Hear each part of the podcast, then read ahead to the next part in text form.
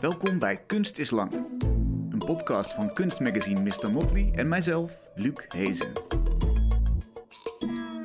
Leuk dat je luistert. Ik bevind me vandaag in Hama Gallery in Amsterdam. De galerie die Kenneth Edu vertegenwoordigt. Kenneth maakt schilderijen en pasteltekeningen, vooral portretten van zwarte mensen. Het is zijn onderzoek naar de manier waarop ze worden afgebeeld of juist weggelaten in de geschiedenis. Bijvoorbeeld de hoofden van personen van kleur uit het middeleeuws Europese verleden zoals de Egyptische katholieke Sint Maries, die weigerde christenen aan te vallen en zo een heilige werd, of Alessandro de Medici, die een belangrijke hertog was in de 16e eeuw. In een andere reeks schilderijen gaat het meer om de kleding van degene die is afgebeeld, de kente, een traditioneel geweven stof uit Ghana.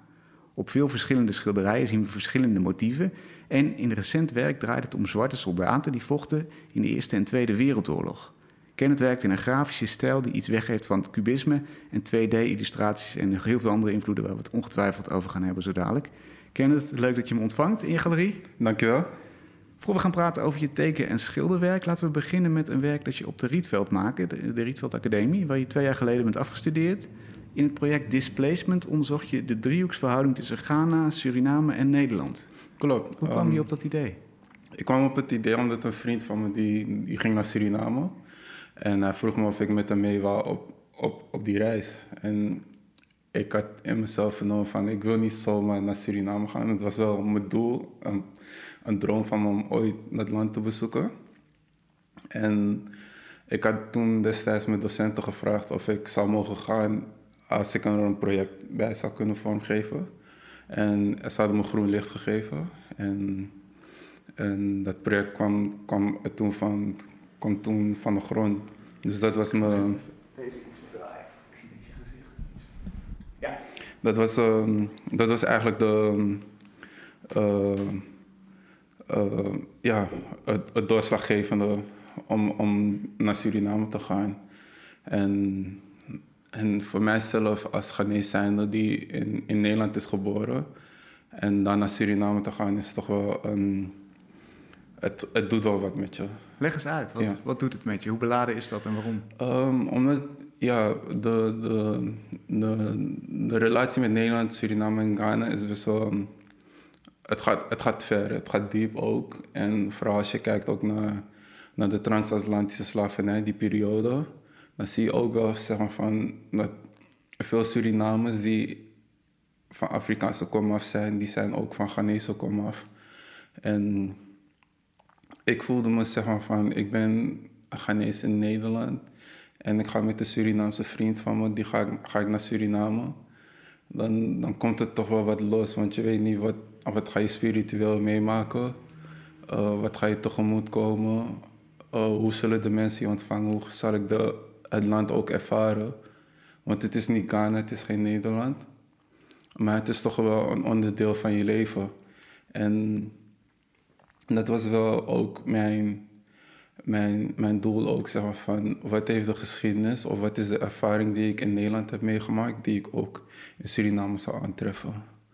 En je zei, wat maak je spiritueel mee? Wat ga je dan tegenkomen? Omschrijf eens, hoe heb je dat beleefd? Ehm, ik denk, zeg maar van, want veel, ja, best wel veel Afrikaanse mensen hebben wel eh, een spirituele eh, achtergrond, zeg maar, van, zeg maar, in, een, in het Surinaams noemen ze dat skin fury.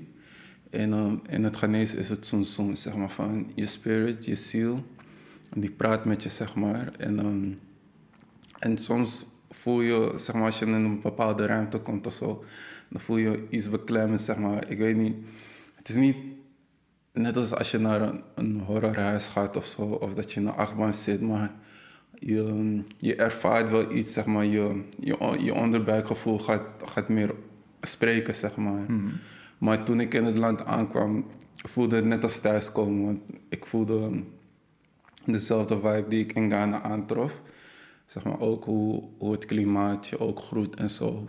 Dat je, dat je wanneer je ademhaalt, dat, dat, dat, het, dat het warme weer je gewoon omhelst, zeg maar. Oh ja. En ja, het was gewoon een goede vibe. En dat, dat, ehm, dat, dat, ehm, dat gaf me wel een goed gevoel, zodat ik wel gewoon verder kon gaan met mijn reis en het project dat ik maken wou. ja. Ja. En nog heel even over die geschiedenis, want inderdaad, eh, vanuit Ghana zijn eh, veel mensen verscheept, letterlijk, Mhm, hè, naar Suriname. Is dat dan ook nog iets wat, wat in jouw hoofd meespeelt? Zo van, mijn voorvaderen hebben dat misschien gedaan op zo'n niveau? Of op welke manier? Ja, soms, soms heb ik dat wel. Want ik heb, uh, ik heb wel mijn ouders wel eens gevraagd van of, of hun familie ook daar onderdeel van zijn geweest. En, uh, en ze, hebben, ze hebben gezegd dat ze daar geen, geen, geen um, onderdeel in hadden. Dus dat was wel ook wel een, een, een, last van mijn schouders, zeg maar, dat ik dat niet hoef mee te dragen. Ja. Maar toch is het toch wel een, een, een onderdeel van dat je ziet van je woont in een land als Nederland. En dan zie je ook gewoon mensen met dezelfde huiskleur als jou. Dat zij toch wel een andere geschiedenis hebben dan jijzelf, zeg maar. Van, van, en je probeert jezelf ook niet te positioneren dat je een beter startpunt hebt dan, dan, dan, de mede, dan je mede-Afrikaan, zeg maar. Dus dat is wel ook iets dat, dat bij mij ook speelt. Dus dat, maar als ik een persoon van zwarte komaf zie, dan, dan kijk ik niet zoveel naar... Oké, jouw ouders zijn wellicht tot slaafgemaakte geweest, maar wat ik zie is gewoon een mede-Afrikaan. Dus dat is, dat is ook wel...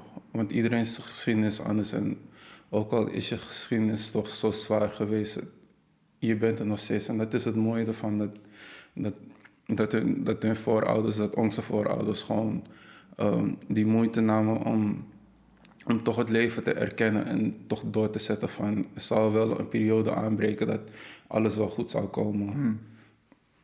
Wat, wat heb je precies onderzocht daar? Want het ging over die driehoeksverhouding, hè? En, en wat, wat ben je tegengekomen? Um, ik was meer... Um, het project begon eigenlijk meer met de wateren, want ik ben vanuit het water, want Nederland is een, is een, is een, is een waterland en Nederlanders waren meester van, van het bouwen van schepen destijds in die periode. En het, de ontheeming van, de, van, van die Afrikanen destijds, van, van hoe ze door, door het water zijn verscheept en zo. Dus ik, ik had meer. Um, want het is een video-installatie dat ik heb gemaakt. Dus heb ik, uh, ik ben begonnen in Amsterdam. Dus ben ik naar de grachten gegaan, naar de grachtenpanden die, die daar onderdeel van hebben gemaakt. En ben ik mee die, die panden gaan filmen om te tonen van, van dit, zijn, dit is de uitkomst ervan geweest. En toen ik in Suriname was, heb ik ook hetzelfde gedaan. Dus ik wil dit project eigenlijk ook nog doorzetten in Ghana. Zodat je ook die, die dat deel van de rook kan zien. Want het is meer het water is, zeg maar, heeft ons alles zeg maar, bij elkaar gebracht, maar het heeft ook andere mensen van hun huis vervreemd, zeg maar. Ja. Dus dat was meer. En wat ik ben tegengekomen daar is um, de vriendelijkheid, de gastvrijheid, maar ook dat we niet ver van elkaar zijn, zeg maar. Want toen ik, toen ik in Suriname was, in Paramaribo, liep ik wel eens een keertje naar de stad toe. En toen ik daar was, kwam ik een, ik Surinaamse meisje tegen en die zei zo van... dan, ja, je bent niet Surinaams, hè? want je loopt. want, uh, want ik was te voet, ging ik gewoon naar de stad toe. En ze zei van waar, ik vandaan kwam. Ze vroeg waar ik vandaan kwam. Ik zei, ik kom uit Nederland. Maar ze wil eigenlijk weten van wat is mijn, mijn achtergrond. En ik had even dat, dat ik Ghanese ben. En dat was wel gewoon... Dat ik kon zien van, oh men kan wel gewoon zien van wie Surinaams is of wie geen Surinamer is. Mm. Dus dat, dat merk je wel. Ja. ja. En, en, en doet dat iets met je eigen positie als je dat op die manier ervaart? Of hoe, hoe heb je dat beleefd? Ehm, ja, niet zo, niet verkeerd eigenlijk. Um, het was meer, ik vond het best wel geinig toen ze dat zei. Van, van je bent niet Surinaams. En ik voelde me ook, zei gewoon, ja, ik weet, ik ben, ik, mijn ouders zijn Ghanese, dus ik weet van, oké, ik ben gewoon een Ghanese man. Dus dan zie ik ook, als iemand me anders me niet ziet als een Surinamer of zo, dan vind ik dat niet erg. Nee, dan vind ik dat, dat snap je wel. Ja, dat begrijp ik. Ja, precies. Je hebt daar een video-installatie van gemaakt, mhm. inderdaad. Foto's ook, hè? Wat zagen we op ja, die foto's? Inderdaad. inderdaad. In, uh, op de foto's was meer een, een, reis naar het binnenland toe. En, want ik wou eigenlijk ook meer richting de Marondorpen gaan. Maar helaas konden we niet. Maar we zijn wel gewoon naar punten gegaan waar, waar het begin van bepaalde Marondorpen zijn. En daar had ik wel nog wat foto's kunnen maken van de oerwoud. En ook van, van eh, mensen die langslopen. En het was ook mooi om te zien van hoe ze ook in een klederdracht daar liepen. En daar had ik ook een aantallen portretten van kunnen maken. Ja. ja. Uh, een van de projecten die je nu hebt gemaakt, die, die noemde ik net de Kente, hè, de, de, mhm. de, gewoven stoffen uit, uh, uit Ghana. Die hebben een zekere relatie wel met de stoffen die je, die je fotografeerde, denk ik, hè, bij de Marons. Um, ik denk het wel, want um, de Marons die dragen pangies. En um, de pangie is zeg maar, het wordt meer als een, uh, als een klederdracht dat, dat op een bepaalde leeftijd wordt, wordt uh, aan, aan, aan de jongen gegeven of een meisje, als ik het goed zeg. En, um, maar de patronen die zijn, die zijn meer in de vorm van een mondriaan. Van, uh, je ziet veel, heel veel lijnen erin voorkomen. En je hebt ook heel veel kleuren. Maar in een, in een kente, daar zitten heel veel figuraties in. En, um, en de stof is ook anders van een pangi. Want een kente is meer, is meer is meer van wol gemaakt. Dus het is, het is wel wat robuuster dan een pangi. Ja. En waar is dat van gemaakt, weet je dat? Ehm, als het goed is, denk ik katoen, maar ik weet het niet 100% zeker. Nee. Ja. En, en was dat een soort van voorwerk wat je daar hebt gedaan, die foto's? Voor je eigen fascinatie over de Kente? Of, Nee, dat niet. Dit was meer... Deze serie heb ik dit jaar gemaakt. En dat was meer eigenlijk voor mijn liefde zeg maar, van naar Kente toe, zeg maar, ook naar het cultuur. Mhm. En ik wou ook meer mechanisch erfgoed ook meer in mijn werken, um, werken plaatsen, zeg maar. Zodat ik ook wel zie van dit is, dit is iets moois om te zien. Het is niet alleen om... Uh, zodat men ook, ook uh, kennis van, van het Ghanese cultuur krijgt. Ja. ja. Ze, ze hangen hier in de galerie, hè, uh, mooi in elkaar, bij, in, in, in, een raster. Um, wat, wat, wat fascineert je zo inderdaad aan die patronen? Want het gaat echt om de patronen in dat geval. We zien de, de hoofden van de mensen niet die ze dragen. Dus je wordt echt getrokken naar ja, de stof en de, de patronen daarop. Klopt. Um, de, zeg maar, kente is meer voor, um, voor mensen die van adel zijn. En, um, en het is ook een heel duur stof als je het in Ghana zelf wil kopen.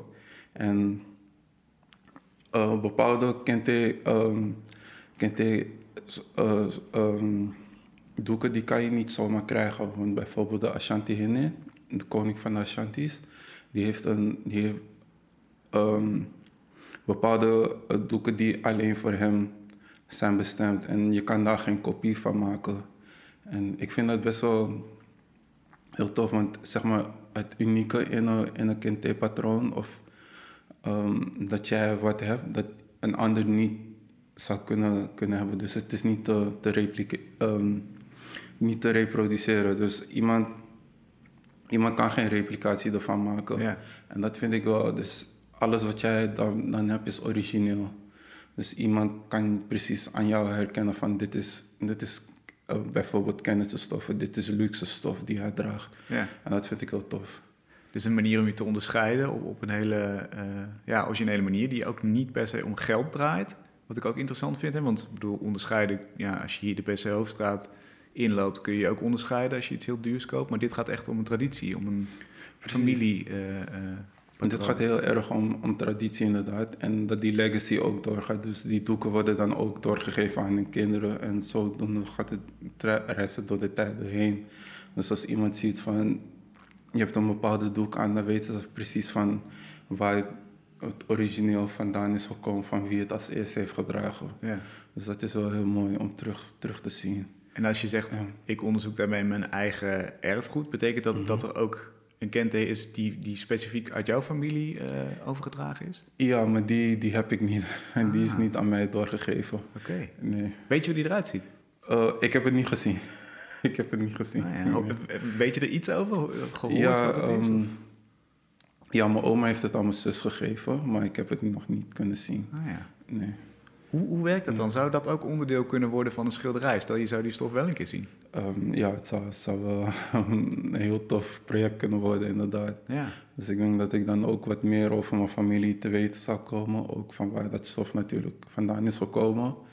En ook hoe de intrede in de familie heeft gemaakt. Dus, en waar, waarvoor het gemaakt is. Ja. Dus dat zou heel tof zijn daar.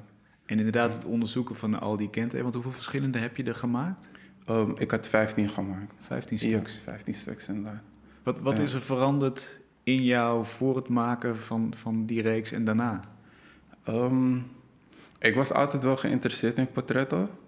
En, eh, maar ik, ik maakte niet zo vaak portretten.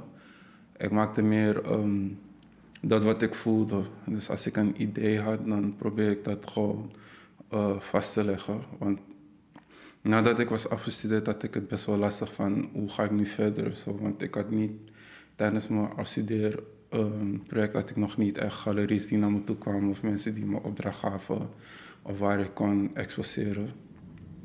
Dus ik zocht eigenlijk meer mijn weg om, um, om, om, om mezelf gewoon blijvende te houden als kunstenaar. Dus was ik gewoon meer met, met oliepastel aan de slag gegaan. En zodoende zocht ik meer naar, naar de vorm die ik tijdens mijn studie had, maar ook kijken hoe ik zou ontwikkelen. En ik denk dat ook dat, dat met het werken met, met gouache, waarmee ik die Kente-serie heb gemaakt, dat dat mij ook het, ehm, mij het gevoel heeft gegeven van ik kan doorzetten met hetgene waarmee ik bezig ben. Hmm. Ja. Want inderdaad, we hebben aan het begin een beetje een sprongetje gemaakt, maar je hebt die displacement gemaakt. Dat, dat was video, dat was foto's. Mhm. Eh, je bent ook eh, pasteltekeningen gaan maken en Klopt. schilderwerk daarna. Ja. Waarom die overstap eigenlijk? Waarom wilde je toch gaan schilderen en tekenen? Ehm, ik, was, ik was eigenlijk als schilder begonnen. Ik, was, ik ben eigenlijk ehm, als filmmaker, ik ben eigenlijk een filmmaker die is gaan schilderen. En ehm, ik had een gesprek op, op mijn, op mijn, tijdens mijn studie op de Rietveld en met mijn docent. En ze had me gevraagd of ik, ehm, of ik naast het filmen, of ik ook wat anders zou willen doen dan alleen het film maken. En toen had ik haar verteld van ik wil graag gaan schilderen. Maar ik had nog geen, geen project gevonden waarmee ik kon gaan schilderen. En waarom En, wil eh, je schilderen? Wat, wat is daar zo mooi aan? Ik vond het, ik vond het heel interessant. Ik had ook net een biografie van, um, van Basquiat gelezen. En ik was heel geïntrigeerd geraakt van zijn proces, zijn leven ook. Maar ik zag ook veel van mijn medestudenten ook gewoon naast het film maken ook gewoon andere projecten opzetten. Dat niets met film te maken had, niet met film gerelateerd was. En ik dacht zo van, die vrijheid heb ik zelf ook, maar waarom maak ik er geen gebruik van? Hmm. En mijn docenten gingen me daar ook in stimuleren toen ze zagen dat ik de penseel had opgepakt. En ik vond het ook heel erg tof toen, toen ik daarmee aan de slag was. En ik voelde me ook best wel ehm, ja, ongelimiteerd eigenlijk. Van dat, eh, dat ik niet zoveel processen hoefde eh, te volgen zeg maar, als bij het filmmaken. Ja. Want ik voelde, want soms bij, als je een film maakt, kan je best wel voor een deur komen te staan. Maar als je een, een, een doek voor je hebt, heb je alleen een kwast nodig en kan je aan de slag. ja, Je precies. hebt alleen een idee nodig. En dat vond ik, Geen cameraman, geen geluidsman, geen grote pro- productiebudgetten, noem het Mhm. allemaal maar op. en ik vond die vrijheid die dat, dat het doek me gaf, dat, dat, was, dat was zeg maar de doorslaggevende. Want ik zag ook hoeveel ik ging produceren tijdens toen ik was begonnen. Want ik, ging, ik was eerst, eerst gewoon vanuit huis begonnen voordat ik het naar, richting op de academie ging voortzetten. Om te kijken van wat, wat, wat, zit, wat ligt me, wat ligt me dicht, het dichtst bij. Zeg maar. Je noemde. Basquiat als inspiratiebron. Ik zei in de inleiding al eh, cubisme, een soort van 2D-illustraties, omdat Mhm. het best wel eh, ja, plat of zo is, Mhm. op, op een grafische manier. Mhm. Hoe omschrijf je het zelf en waar, waar zoek je naar? Ehm, ik zoek meer naar, naar de emotie, naar, naar het gevoel. En ehm, ik probeer altijd wel dat er iets blijvends is in, in het werk, dat, waar iemand, dat iemand met zich mee kan nemen. Dat, dat die persoon het heeft ervaren van als hij ernaar kijkt. En dat vind, daar ben ik best wel naar op zoek naar. En Geef daar eens een voorbeeld van. Hoe werkt dat? Ehm, bijvoorbeeld als je, als je een werk van me ziet tegenkomt of zo, dan denk ik van wat is, wat is het kenmerkende geweest dat, dat, dat, ehm, dat tegen je heeft gesproken, zeg maar, van waarom stond je ervoor stil? Of als je het zag dat je even dat het je adem kan ontnemen of zo. Ah. Dat, dat gevoel zoek ik meestal bij, bij mijn werken. Daar staat er Ja. achter jou een, een portret. Mhm. Eh, op welke manier zit, zit dat erin, op deze, in dit portret? Ik denk meer in zijn ogen. In de ogen? Ja, in zijn ogen. En ik probeer ook heel veel met de ogen te spelen. Ik hou, ik hou heel erg van de Ethiopische kerkschilderijen, die muurschilderijen. Ja. En die ogen zijn daar best wel geïnspireerd door, ge- eh, een inspiratie van geweest. Om, omschrijf ze eens, die ogen. En die ogen die zijn best wel open. Mhm. Ehm, je ziet heel veel wit aan de zijkanten, zeg maar naast het pupil. Ja, En veel wit aan de zijkant. En het is heel sprekend, zeg maar. En als je naar die Ethiopische schilderijen kijkt, dan zie je, dat, zie je hetzelfde ook. En ik vind die, ze spreken echt, eigenlijk meer op een kinderlijke, kinderlijke wijze, kijken ze ook naar je. En dat vind ik best wel heel tof. En ik probeer daar heel veel mee te, s- mee te spelen. Ik probeer het eigenlijk in, in ieder, ieder werk, probeer ik die ogen op die wijze ook eh, te plaatsen. Ja. Ja. En je zei kinderlijk. Wa- waarom spreekt dat je aan? Ehm, Het eenvoudige. Ja, het eenvoudige ook, zeg maar, eh, het onschuld ook. Mhm. Het onschuld. En ehm, het, is, het is toegankelijk. Het, het, het duwt je niet weg. En dat vind ik best wel tof. Ja. Ja. En eh, dat klinkt bijna alsof er heel veel kunst is, schilderwerk, wat je wel Mhm. wegduwt, wat te ingewikkeld is, te gecompliceerd. Of, of hoe kijk je daarnaar? Ehm, ik vind, het is sowieso niet gecompliceerd. Het is denk ik de, de kunstenaar zelf die, die, die daar die zijn werk zo heeft, heeft gemaakt. Hij bedoelt het ook zo te maken. Maar ik weet niet of hij zelf, als hij, als hij naar zijn werk gaat kijken, dat hij het gecompliceerd zal vinden. Maar Nee. misschien als iemand hem vertelt van het is gecompliceerd. Van, maar ik probeer iedere kunstenaar gewoon in zijn waarde te laten. Mm. Want je weet maar nooit wat je van die kunstenaar kan leren en met je meeneemt in je eigen werk. Ja, Dus dat vind ik wel. maar voor jou is die eenvoud belangrijk. eh, het hoeft niet altijd eenvoudig te zijn, maar ehm, het- ik vind, ja, het hoeft niet te. ehm, ja. ja, ik denk dat eenvoud. Ja, het, is, het, het hangt af van, van wat je vertellen wil, denk ik. Want soms heb je werken waarin je heel veel, heel veel kwijt wil. Of eh, heb je weer ander werk waarin je denkt van dit is voldoende. Dat je gewoon met een, met een zwart vlak komt of zo. Mhm. En dat je zegt van dit is, dit is wat ik uitbeelden wil. En het is zo simpel, maar, maar als je het, het verhaal of het concept erachter hebt, dan denk je zo van oké, nu begrijp ik waar, waarom je alleen voor die specifieke kleur hebt gekozen. Ja. Ja. Dat kan soms sterker zijn, als, als Ja. het past bij je boodschap. Precies, Ja. precies.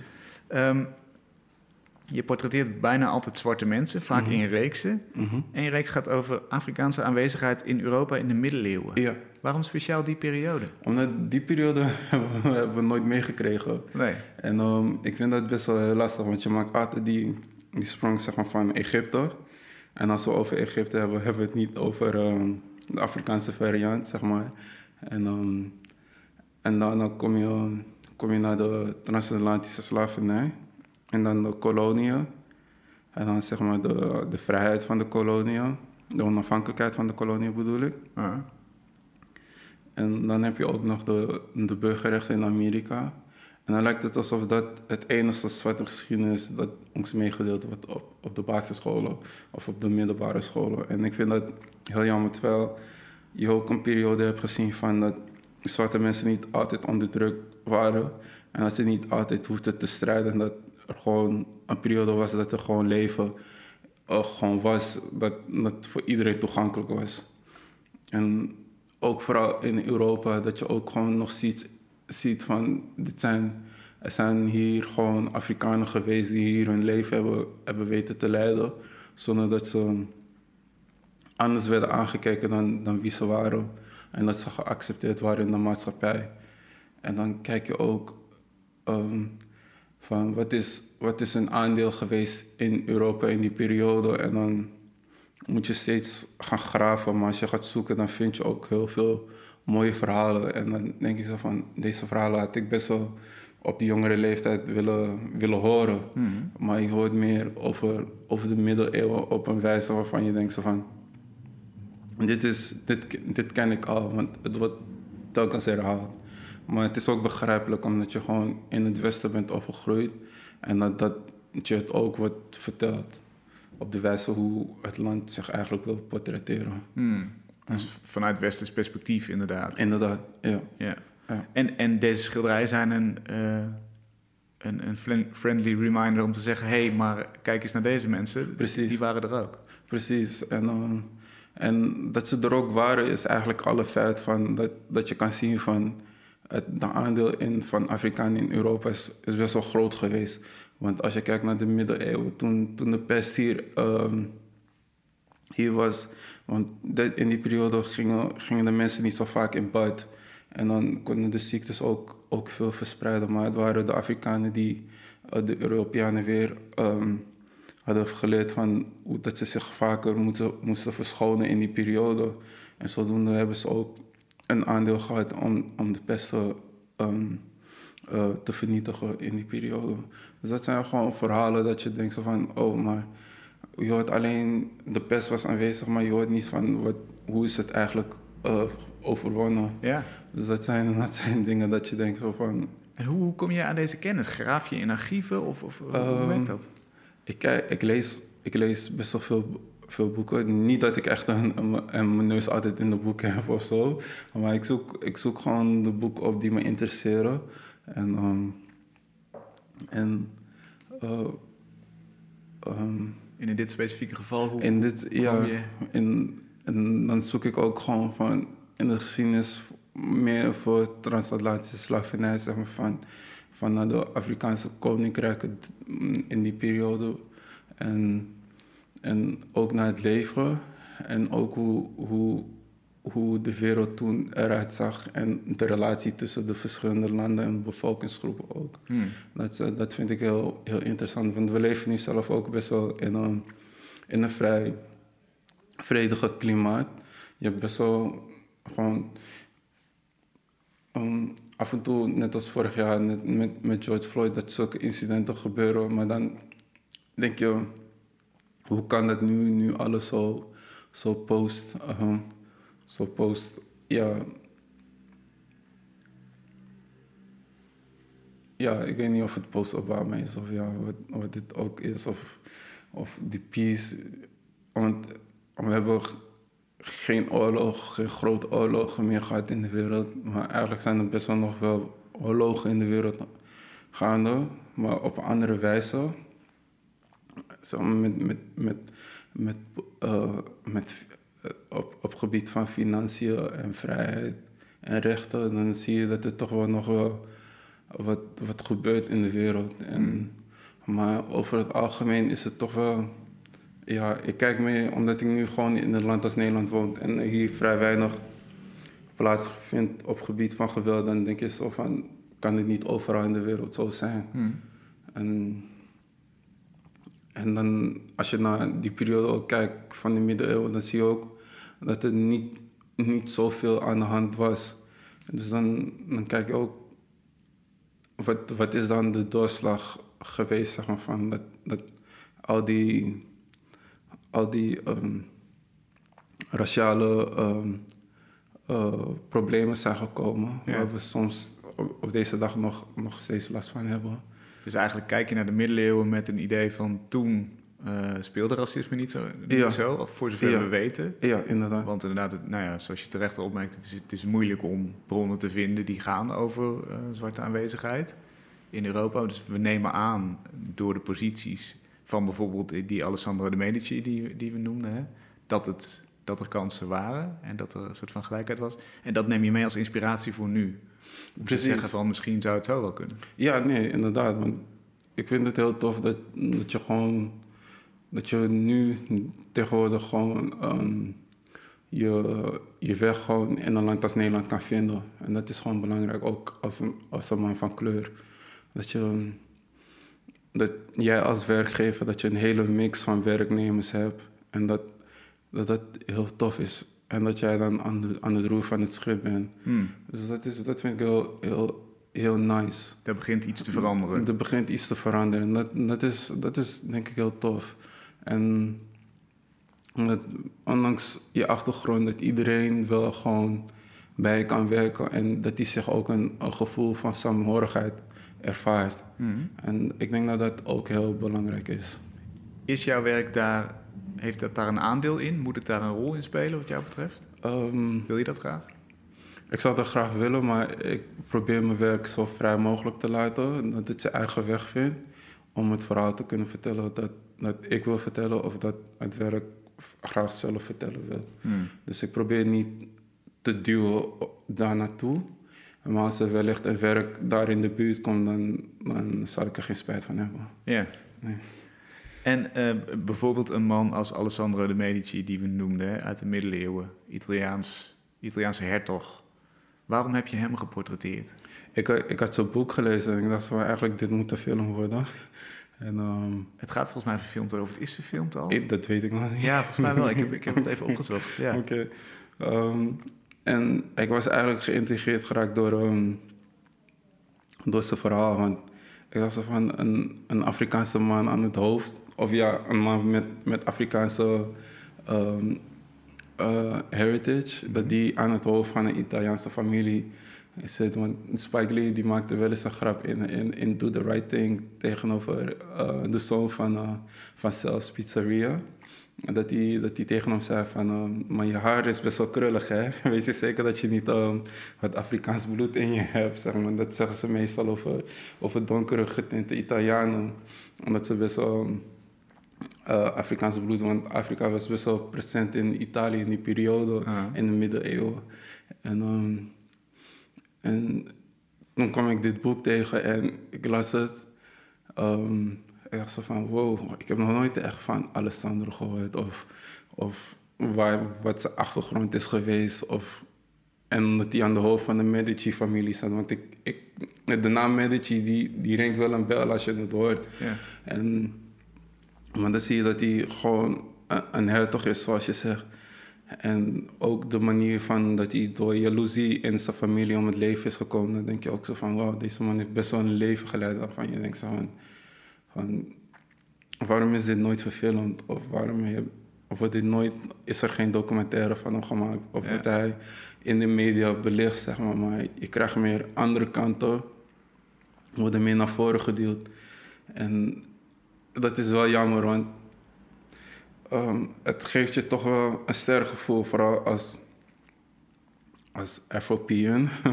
Eh, dat je in Europa bent, dat je dan denkt van wow, dit is, dit is ook mijn geschiedenis. Ja. En ehm, het is eigenlijk ons geschiedenis, het is wereldgeschiedenis en het is geschiedenis dat verteld mag worden. Ja.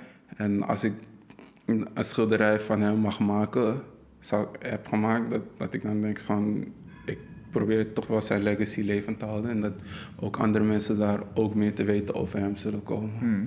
Dus, ja. Want als Afropean inderdaad, wat heb je dan voor culturele geschiedenis om op terug te vallen? Zeg maar? is, is, dat, is dat wat jou betreft een, een rijk genoeg beeld? Of, of is dat vooral gekleurd door eh, leed? Hoe, zie je dat? Ehm, het is niet, niet gekleurd door leed, maar sowieso het, het leed komt erbij kijken, denk ik. Ja. je, je kan er sowieso niet ervan van omweg omheen gaan. En ik denk ook meer zeg maar, van de, onze ouders en de generatie voor hun die, die, die, die de reis naar Europa hebben gemaakt. Zeg maar na, na, na, na de onafhankelijkheidsperiode van, van de Afrikaanse landen, de Caribische landen. Dat, dat zij hier naartoe zijn gekomen om een beter leven op te bouwen. Om te zien van de, de kansen die hier in Europa zijn, dat die ook voor hun kinderen zullen gelden. En, maar ik denk dat de leed meer komt van, van de deuren die niet voor je open gaan. Of de kansen die, waarvan je vindt dat, dat jij die ehm, zou kunnen grijpen, dat die niet gegeven worden. Dat is, dat is wel jammer, want nog steeds heb je, heb je dat, dat je de eerste zwarte van dit wordt. De eerste zwarte, zwarte minister of zo. Van, terwijl dat zijn gewoon posities die, die door een potentiële kandidaat die daar eh, gericht voor is, vervuld zullen kunnen worden. Maar hebben mensen het vertrouwen in die persoon. Maar toch zal op een gegeven moment gehoord zijn dat er pas een de eerste zwarte minister of zo er zal zijn. En dat is wel een, een misser, vind ik. Vooral als in een land als Nederland, waar heel veel mensen potentie hebben, ook doelbewust, maar ook uh, heel intelligent zijn in, in hetgene wat ze doen. Ja. Ja.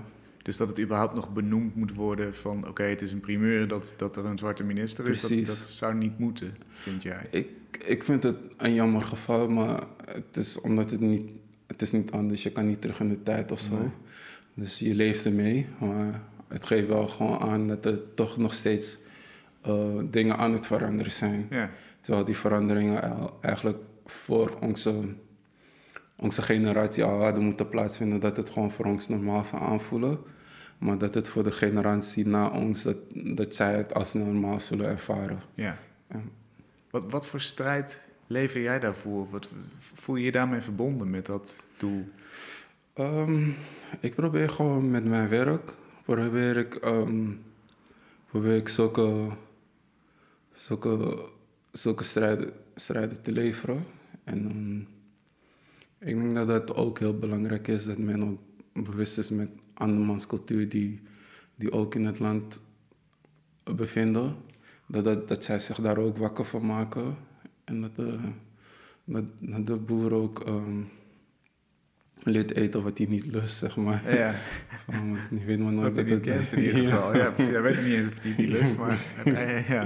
dat, hij, dat hij dat ook ehm, leert ervaren. Want ik denk, hoe meer, hoe meer we over elkaar te weten komen, eh, dat we ook meer toegankelijker naar elkaar zullen zijn. En dat we ook meer empathie voor elkaar zullen hebben.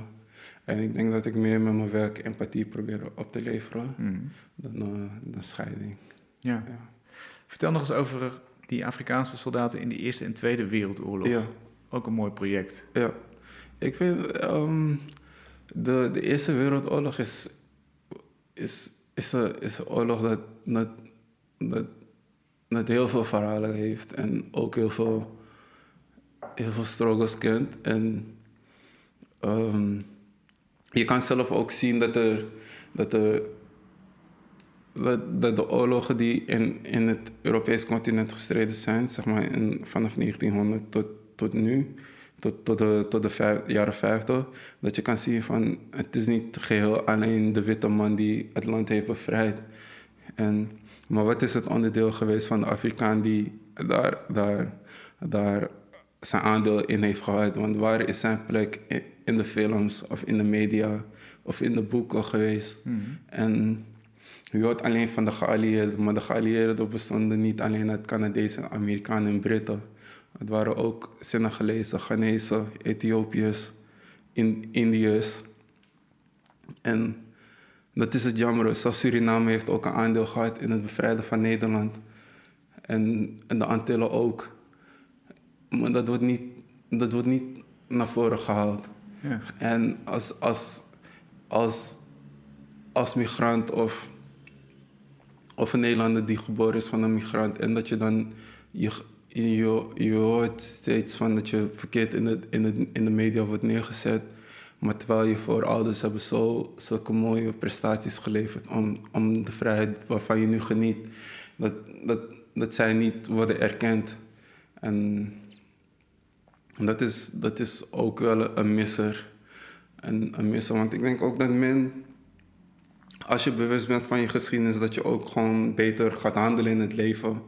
En ik denk dat waarom dat Nederlanders ook best wel trots zijn op wat ze hebben gedaan in de geschiedenis, dat ze zich ook zo voelen, zeg maar, van, van maar niet dat, ze, niet dat ik dat bejubel of zo, maar, maar je kan wel zien dat er een, een gevoel van trots is. Ja, wij zijn Nederlanders, wij zijn de grondleggers van, van, van de scheepvaart in de wereld. En ook van de vrije commercie. En, en van, van de industrie. Dat, dat je, of, of de manier van hoe windmolens in het, in, het, in, het, in het land staan. En dat die elders ook in het land worden geplaatst. En doordat die geschiedenis steeds naar voren wordt gehouden, put men inspiratie daaruit. En als jij als, als Surinamer of Ghanese zijnde jouw geschiedenis ook hoort en steeds terug ziet komen van dit zijn dit zijn wat je voorouders hebben gepresteerd. Jij zou het ook eveneens kunnen evenaren of zelf ook kunnen overstijgen. Dat, dat is toch wel iets dat je, waar je voor gaat leven. Ja. En het geeft je ook, um, het geeft je ook kracht en motivatie en, en visie ook in het leven. En, En is dat iets wat jij bijvoorbeeld persoonlijk zelf ook meer had willen zien? Want je zei net al, ja, had ik maar over de Medici gehoord en, en, Mhm. eh, en Alessandro. ja. Wat, eh, als je nu terugkijkt naar de, de jonge Kenneth, je bent zo oud ben nog niet, maar eh, stel je gaat tien jaar terug, wat, wat had je dan willen horen? Um, ik denk dat ik die verhalen zou willen horen. Ook maar ik denk, want ik had um, ik ben echt een Spike Lee fanaat, weet je. Oké. En um, ik had uh, The Miracle of St. Anna gezien en um, is de Tweede Wereldoorlog film. Het gaat over uh, zwarte geallieerden in uh, Afri- Afro-Amerikaanse geallieerden in, in Italië. En het is naar een fictief boek geschreven van, van James McBride. En maar er zullen best wel wat, wat waar, waarheden erin zitten. Ik heb het boek zelf nog niet gelezen. Ik heb alleen de film gezien. En, ehm, en toen ik die film zag, toen dacht ik... Oh, wauw, like, dit is wel weer heel wat anders. Like, ik, zie, ik zie mezelf. Maar ik zie ook een verhaal van, van die ik ken... maar niet op die wijze hoe het is verteld. En dat is, dat is ook weer, weer iets dat ik denk, als ik jonger was geweest, of als ik, ja, misschien wel echt 15 of zo, of ik zulke verhalen zou tegemoet, tegemoet zou komen, dat ik ook wel heel anders in het leven zou staan. Want het beginperiode van, van, ja, ik weet niet of je Roots kent, de miniserie Roots. Nee. Uh, het verhaal van Kunta Kinte. Um, het was in 2016 hadden ze nog een reboot ervan gemaakt. Oké, het kun je me kort vertellen? Ja, het eh, gaat over, um, over Kunta Kinte, uh, een, een jonge krijger van de Mandinka tribe. En hij wordt ontvoerd door, um, door, door slavenjagers. En, um, en, maar in dat verhaal is het meer het begin hoofdstuk zeg maar, van hoe hij in Afrika leefde. In het land van, in zijn dorp, in zijn stad. Dat je kan zien van, oh, dit was hoe het Afrikaanse leven er toen uitzag, zeg maar van. En dat is wel steeds wat, ik, wat me verwondert. Waar ik eigenlijk, als ik ook naar die Kente-serie kijk, dat ik ook kan zien, zeg maar van, dit is hoe het Ghanese leven eruit zag destijds. Zeg maar, dat, dat je het nog steeds kan zien om je heen, zeg maar, dat die kledij nog steeds gedragen wordt. En op bepaalde eh, culturele festiviteiten, dat die nog steeds ehm, gehouden worden. En ik denk dat dat best wel heel speciaal is. hmm. Van dat je dat nog kan, kan aantreffen. En dat is eigenlijk de grond onder je voeten die je wil hebben, die geschiedenis die, waar je kennis mee wil maken. En inderdaad, ik stel me zo voor dat als je zo'n film kijkt over de Tweede Wereldoorlog, dat je beseft, ja, eh, ook ik heb ergens, generaties voor mij, een, een stukje bijgedragen aan dit Europa, aan dit, dit Nederland waarin we Ja, nee, zeker. Zeker. En ik denk ook dat, dat, ehm, dat een land als Nederland, dat zij best wel veel meer zouden kunnen doen op dat gebied. Maar ik denk dat het nu langzaam op gang aan het komen is. Dat, eh, dat je ziet ook Omroep Zwart bijvoorbeeld ehm eh, ze opmars maken. En, ehm, en dat, dat, dat men zich, men is zich er wel bewust van, maar het, eh, het is nog van, van, van ja, ik, iedereen, ik denk dat iedereen er wel klaar voor is om, om, om nieuwe, nieuwe, nieuwe invalshoeken te zien. En ook nieuwe perspectieven te, tegemoet te zien komen van, van dit is iets wat, waar, waar we eigenlijk meer op zitten te wachten. Van dat meerdere eh, delen van de geschiedenis of van, van meerdere andere verhalen, dat we die ook kunnen aantreffen. Ja. En dat, er, dat, er een, dat het meer een geheel zal worden. Dat, dat je niet alleen een wit verhaal ziet of een zwart verhaal dat weer over de slavernijperiode gaat. Maar dat je meer vrije verhalen ziet waarin helden in voorkomen. Of waar je in een vrij leven ziet, zeg maar. En ik denk dat dat meer hetgeen is wat dat verteld zou kunnen worden. Niet dat die verhalen er niet toe doen, want het zijn ook ver- verhalen van voorouders geweest die toch verteld moeten worden. Maar Mm. dat je ook hier kan zien van, dit is mijn leven op het moment waar ik, waar ik ook dank voor heb. Zeg maar, voor die strijd die is geleverd, dat ik dit ook zal kunnen vertellen. Ja. Ja. We gaan ehm, nog even een andere stap maken naar je pasteltekeningen, want die zijn ook heel mooi. Ik wil graag eh, eentje bespreken in ieder geval. That one day that I forgot to pray. Oh ja, Een, een man slapend in bed en daarnaast een hele grote voet, een levensgrote voet in een slipper. Als klopt. de aanwezigheid van een soort god die Precies. je even kon polsen. Vertel eens, Ja. hoe zit dat met die afbeelding? Ehm, ik lag toen op bed en ehm, het is een persoonlijk werk. Ik lag toen op bed en ik, ehm, ik zat te bidden voor, voor het slapen gaan. Maar ik wou nog wat vragen. En toen voelde ik opeens een gloed in, me- opkomen. En ehm, ik dacht zo van, dit is een gemiste kans. En toen zag ik in, in mezelf een, een voet, zeg maar, dat, waar het licht op het, op het licht staan, zeg maar. En toen dacht ik zo van, ik moet hier een portret van maken. Had, toen had ik een portret ervan maak, ge- gemaakt. En wat was de gemiste kans dan in dit geval? Ik denk dat hetgene waar ik over ging bidden, dat ik het niet heb gevraagd. Denk ik. Ah, Oké. Ja. Ja. En, En, en dus, de, dus de voet is niet zozeer een god die de, het beeld instapt, maar is Ja. een. Eh, verplettert eigenlijk het, het, het licht wat iets moois had kunnen zijn. ik denk meer, ik denk meer dat, dat het, ik weet niet of het verplettert, maar dat hij het meer ingraaft, zeg maar. Oké. Of dat hij, dat hij er is op gaan staan en dat hij het heeft geplant of zo. Ja. En dat, dat ik er zelf nog naar moet zoeken, denk ik. Oké. Ja. Dus, dus dit soort eh, vertellingen en, en betekenissen, die, die zitten in dit werk. Ja, Hè, dus dit, dit Ja. zijn echt situaties waar eh, nou ja, er iets, iets is afgebeeld, maar bijna altijd symbolisch. ja Mag ik het inderdaad. zo samenvatten? Ja, ja, ja. Gaat het dan ook heel erg om het, het gevoel wat je erbij krijgt? Eh, Ehm, ja, ik denk, ik denk ook best wel het gevoel, want ik was best wel emotioneel die dag. ja, ik ermee aan de slag ging. ja. Want ik zat er best wel over na te denken. Van, had ik toch maar gebeden op dat moment. Maar ik denk ook dat het best wel een levenservaring ook voor mezelf is geweest. Van, van als er iets op je hart is, dat je, dat je het gewoon kwijt moet. ja. Dus ja. En, dat, en zo'n realisatie krijg je dan op het moment dat je bidt voor het slapen gaan. Dat je dacht, oh shit, dit had ik anders moeten doen. Ehm, ik denk die realisatie was gekomen toen ik, het, toen ik meer nalatig was geworden. Dat, omdat, ik het, omdat ik hetgene dat ik wou, wou vragen niet, niet meer kon vinden.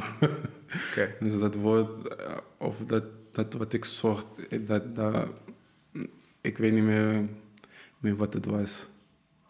En hoe, hoe helpt het maken van kunst daar dan bij? Want het- dat moet je dan in een beeld vangen. Dat ga je dan de volgende dag doen, Mhm. meteen. ja. Wat, wat, wat- hoe helpt dat of wat doet dat? Het, het, het heeft me geholpen om het te verwerken, ook om een plaats te geven. Maar het geeft me ook het gevoel van, van het is oké. Het is oké. En ik denk dat dat ook het mooie is van kunst. Van ook al ben je iets, kwijt of verloren, of iets dat je wil vragen of whatever, dat je het toch wel kan vormgeven in een werk. En dat, ik vind dat heel speciaal. Van dat je toch die mogelijkheid hebt. Dat je iets ervan kan creëren. En ik denk dat ook heel veel kunstenaars dat ook, ook ervaren. Dat ze toch wel op die wijze met verlies omgaan. Of met geluk.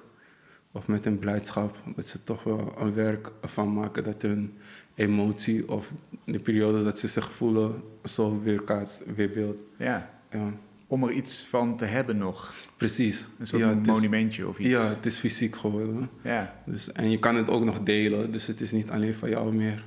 Ja. dat is een belangrijke functie van, van kunst, van je werk. Mhm. Ja. Eh, welke kant denk jij dat, eh, je bent nog maar net afgestudeerd, twee jaar, maar welke kant denk je dat je werk op gaat bewegen? Waar, waar ben je nieuwsgierig naar? Wat wil je gaan doen? Ehm, dat is wel een goede vraag. Want ik ben nu wel veel portretten aan het maken. En ik zie ook dat ik meer die kant ook naartoe ga.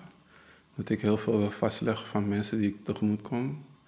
Ik probeer ook zelf, mezelf ook wat meer, meer, meer te portretteren.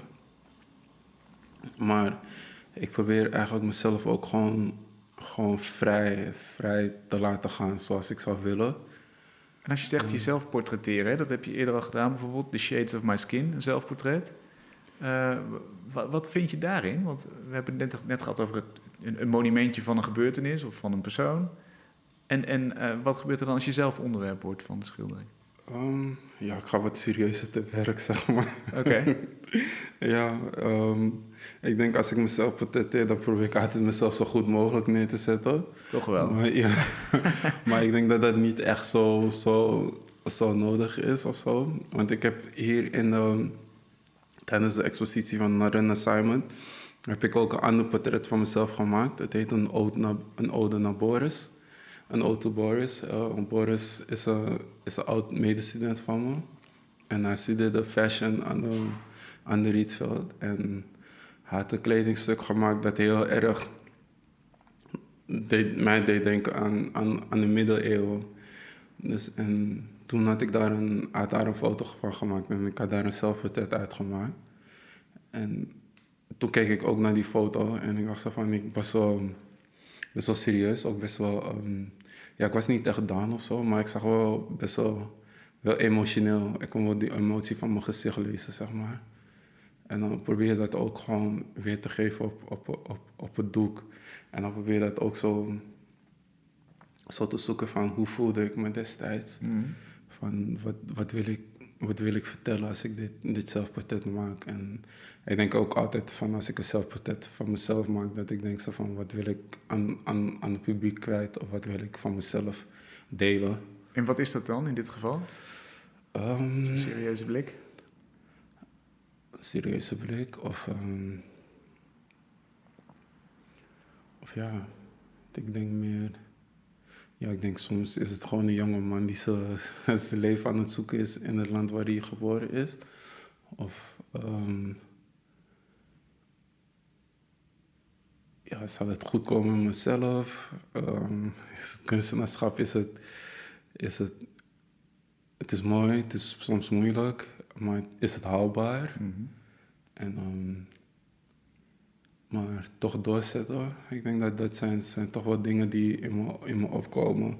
Als, ik, als ik zelf portretten maak of ieder ander werk, denk ik dat dat, dat, dat toch wel vragen zijn die, die in, me, in me opkomen dagen van zal ik succesvol worden of ehm, zal ik van, van mijn werk kunnen rondkomen? Kan ik mijn brood ermee betalen? Dat zijn toch wel vragen die ik soms stel. Dus toch ook het bezweren van die grote vragen en de twijfels? Ja, ik denk soms, soms zijn het meer de twijfels, denk ik. De twijfels die, die soms opkomen. Maar dan vind ik dat ik gewoon zelfvertrouwen moet houden in hetgene wat ik doe. En ja, ik denk dat, dat, mm, ja, dat iedere kunstenaar zichzelf soms wel bekritiseert. En toch wel naar zichzelf kijkt van is dit wel goed genoeg. Maar ik denk als het, als het er eenmaal is, heb je toch al je best gedaan. En ik denk dat je daar toch wel vrede mee moet houden. Ja. ja. Wat het best een krachtig middel dan eigenlijk, die schilderkunst. Dat, dat je dingen kunt bezweren, angsten, onzekerheden. En dan heb je, iets, dan heb je er in ieder geval iets uit, uit, overgehouden. Precies, dus het is niet. Het is, je probeert sowieso zit je ziel in, in al je werken. Dus, dus je, doet, je, doet, je gooit je alles erin. En, en het is gewoon heel tof dat dat, dat, dat, dat eruit kan voortkomen, zeg maar. En dat, daar ben ik altijd benieuwd naar van wat, wat, wat de uitkomst ervan zal zijn.